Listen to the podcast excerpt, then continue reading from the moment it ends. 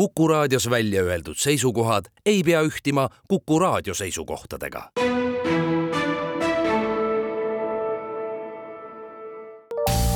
terviseks. saade valmib koostöös Ida-Tallinna Keskhaiglaga. vaata ka itk.ee tere, head Kuku kuulajad, eetris on saade Terviseks ja me räägime täna hooajalistest viirustest ja haigustest. mina olen Ingela Virkus ja koos minuga on stuudios Ida-Tallinna Keskhaigla nakkushaiguste arst Leelo Moosaar, tere! Tere, suur aitäh saatesse kutsumast! no et kohe-kohe on jõulud, mil veedetakse palju äh, lähedastega aega, käiakse ühe laua tagant teise taha.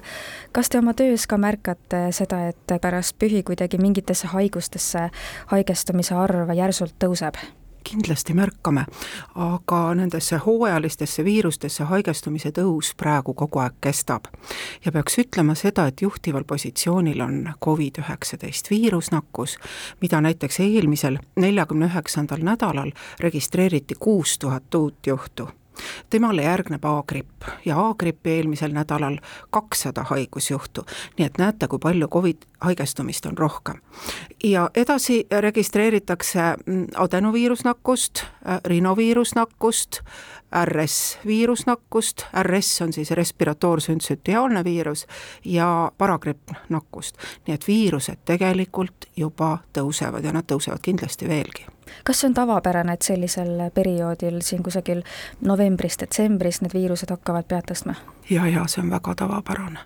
nii et tegelikult oktoobris nad tasapisi juba tõusevad ja praegu võiks öelda niimoodi, et hakkab järjest rohkem seda haigestumist esile kerkima ja haigestumise tipp on tegelikult veel ees jaanuaris siis näiteks vahetult ja, pärast detsember, jaanuar, veebruar, tegelikult see hooaeg, ütleme Covidi ja, ja siis äh, gripihooaeg kestab kuni, kuni aprillini vähemalt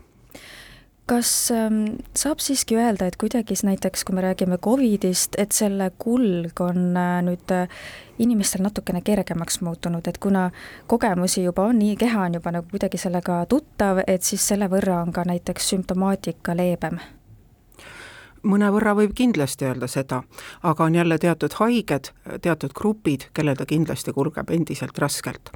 et äh, nooremad inimesed ja ka lapsed võivad tõesti põdeda teda kerge nohukeha haigusena ja, ja midagi nendega olulist ei juhtu, iseeneslikult paranevad ja sageli nad ei testi ennast ja me ei teagi, et nad on Covid või, või grippi põdenud näiteks. aga on olemas meil ju täiesti kindlad riskigrupid, mida ka immunoprofülaktika ekspertkomisjon on välja toonud, kellele me näeme ette siis ennetava meetmena äh, Covidi ja gripi vastast vaktsineerimist, selleks, et ära hoida tüsistusi ja haiguse rasket kulgu. Äh, selleks on eelkõige siis vanuses inimesed kuuskümmend pluss, siis kõik inimesed, kellel on riskihaigused seal on kaasa arvatud siis lapsed alates kuuendast elukuust.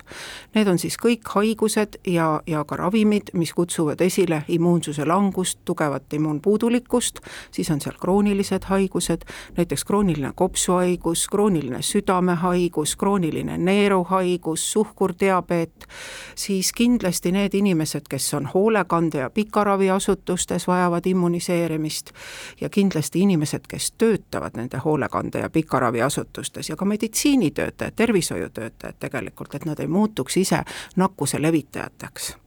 Nii et äh, tegelikult äh, eelmisel nädalal äh, raporteeriti, et haiglaravi vajas näiteks Covid-nakkusega kolmsada patsienti, aga samas juhitavat hingamist vaid neli, nii et võib küll öelda, et see haiguse kulg on kergem, aga nad olid ka kõik vanuses üle kuuekümne ja üheksakümmend kolm protsenti nendest hospitaliseeritutest olid Covidi vastu vaktsineerimata kui te mainisite, et praegu levib äh, aktiivselt ka A-gripp, siis äh, mis vahe on üldse gripil ja viirusel? Et ega kliiniliste sümptomite alusel ei olegi võimalik viirustel või viirusnakkustel, nimetustel nii-öelda vahet teha. et kõik viirusnakkused, mida ma praegu siin eelnevalt nimetasin, Covid viirus, gripiviirus, adenoviirus, paragripp, RS-viirus ja nii edasi, nad kõik võivad kulgeda kerge nohukeha haigusena, aga siiski mingisugused eripärad on. no näiteks Covid-haiguse ja gripi puhul on alati kindlasti kõrge palavik ja köha kõige iseloomulikumad sümptomid, aga Covidi puhul on ka näiteks maitse- ja lõhnatundlikkuse muutus, kõhulahtisus, gripi puhul jälle tugevad lihasvalud ja tugev peavalu võib olla nii gripi kui Covidi puhul, nii et need mõlemad võivad olla üsna ühetaolised, ainult kliiniliste sümptomite järgi kindlasti ei saa eristada. Ja mis on veel Covidile iseloomulik, on see kurgukaebus, et hääl läheb kähedaks, kurk valutab ja väikesed lapsed tihtilugu põevad Covidiga veel kõripõletikku, see tähendab, et tekib kõriturse, nad satuvad selle tõttu lastehaiglasse. nüüd, kui me räägime adenoviiruse infektsioonist, siis temale on väga iseloomulik just rohke mahlakas katarr, see tähendab seda, et hästi tugev mädane nohu, äh, lahtine sage köha, kõrged palavikud ja adenoviirusele on iseloomulikud need punased, paistes, rähmased, kollase rähmaga silmad, nii et hommikuti vahest lapsevanemad ütlevad, et lapsel ei tule silmad lahti, et nad on täiesti selle mädaga kokku kleepunud ja eile õhtul olid veel silmad korras. nii et siis me kohe vot selle sümptomaatika alusel jälle oskame öelda, et see on ilmselt üks adenoviirusnakkus, aga adenoviirusnakkusega kaasneb ka palju kõhulahtisust ja paragripiviirus on jälle kõriviirus, samamoodi, kas hääl läheb kähedaks või lastel tekib siis see kõripõletik, millega nad võivad haiglasse sattuda. ja RSV viirusinfektsiooni puhul on jälle iseloomulik see hingeldusega bronhioliit, et kui alla kaheaastased lapsed äh, haigestuvad, siis nendel tekib väga kiiresti hingeldamine, vilinatega hingamine, mis on juba distantsile kuuldav. Ja, ja selle kaudu me ka üsna kindlalt juba ütleme ära, et, et see on ilmselt üks RSV infektsioon ja põevad seda ka väga väikesed imikud, sest nende vennad-õed, kes käivad lasteaias, toovad viiruse koju, nad ise ei pruugigi nii haiged olla nohus köhas, aga väga väike imik saab siis raske hingamispuudulikkuse, millega ta satub haiglasse, aga teinekord on ka nii, et mõlemad väiksed, nii see pisikene paarikuine tita kui siis see paariaastane lasteaialaps, mõlemad tulevad hingeldusega sisse. ja samamoodi sellist hingeldusega bronhiiti võib esineda ka nõrgestatud täiskasvanutel, onkoloogilistel haigetel, immuunpuudustel, puudulikel, samamoodi sellest RS-viirusest. ja nüüd üks viimase uudis on see,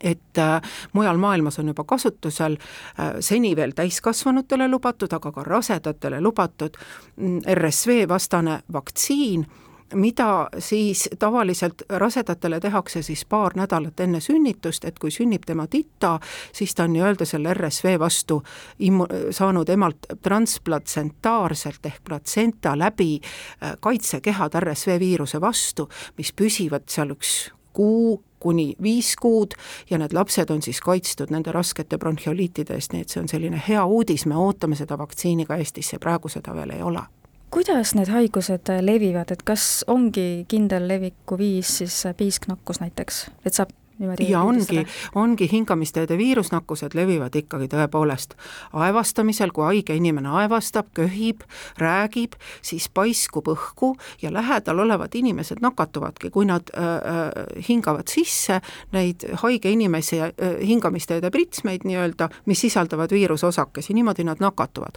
aga samamoodi, kui me ei pese käsi ja keegi viirushaige on läkastanud või, või aevastanud mõne äh, pinna peale, mõne eseme peale ja sageli lasteaialapsed niimoodi haigestuvad, sest nemad ju ei pese nii palju käsi ja kui nad nende saastunud äh, või, või kontamineerunud kätega nii-öelda, kus viirus peal on, katsuvad oma silmi, suud ja nina, siis nad viivad ise kohe paikselt selle nakkuse endale organismi. nii et nii-öelda ikkagi nende hingamisteede pritsmete kaudu, nii et sellest ka tuleb soovitus, et kui sa oled haige, ole kodus, ära tule välja, vähemalt esimesed viis päeva istu kodus, sellepärast et sa nakatad teisi, teisi, sa nakatad oma töökaaslaseid, sa nakatad oma pereliikmeid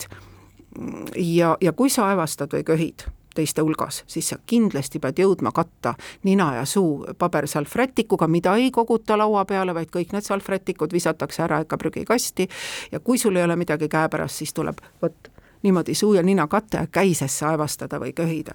et mitte mingil juhul teiste peale või, või, või lähedastele nii-öelda õhku ja väga tähtis on muidugi kätepesu, et sa pidevalt puhastad oma käsi, kui sa tuled kuskilt äh, väljast koju, enne kui sa alustad söömist ja nii edasi, et sa kõik see, mis sa võib-olla oled endaga kaasa toonud, viiruseid, et sa siis pesed nad nii-öelda oma kätelt maha või kui sul on ka see antiseptiline desinfitseeriv kätekeel, siis seda sobib veel pareminigi kasutada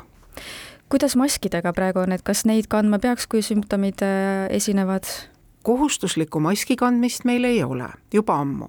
aga kui sul on äge Covidi infektsioon, sul on ägedad haigusnähud ja sul on vaja minna poodi või apteeki ja sul ei ole mitte kedagi, kes sulle äh, vajalikku kaupa toob. Apteegist või poest, siis sa paned maski ette ja käid seal ära maskiga. või kui sa oled riskigrupi inimene, nagu ma siin eelnevalt ette lugesin, kui sul on krooniline kopsuhaigus, südamehaigus, neeruhaigus, maksahaigus või sa oled mingi ravi või haiguse tõttu äh, sügavalt immuunpuudulik ja sa lähed rahvarohketesse kohtadesse mis on suletud ruumides, no näiteks kui sa lähed teatrisse, ma hiljuti ise käisin teatris, Estonia teatris ooperit vaatamas ja seal olid mõned inimesed maskidega. nii et ma arvan, et sinna võib panna ka maski. aga sellist üleüldist kohustust maski kandmiseks meil praegu ei ole. me jätkame oma vestlust juba homme kell neliteist nelikümmend viis. terviseks. saade valmib koostöös Ida-Tallinna Keskhaiglaga. vaata ka itk.ee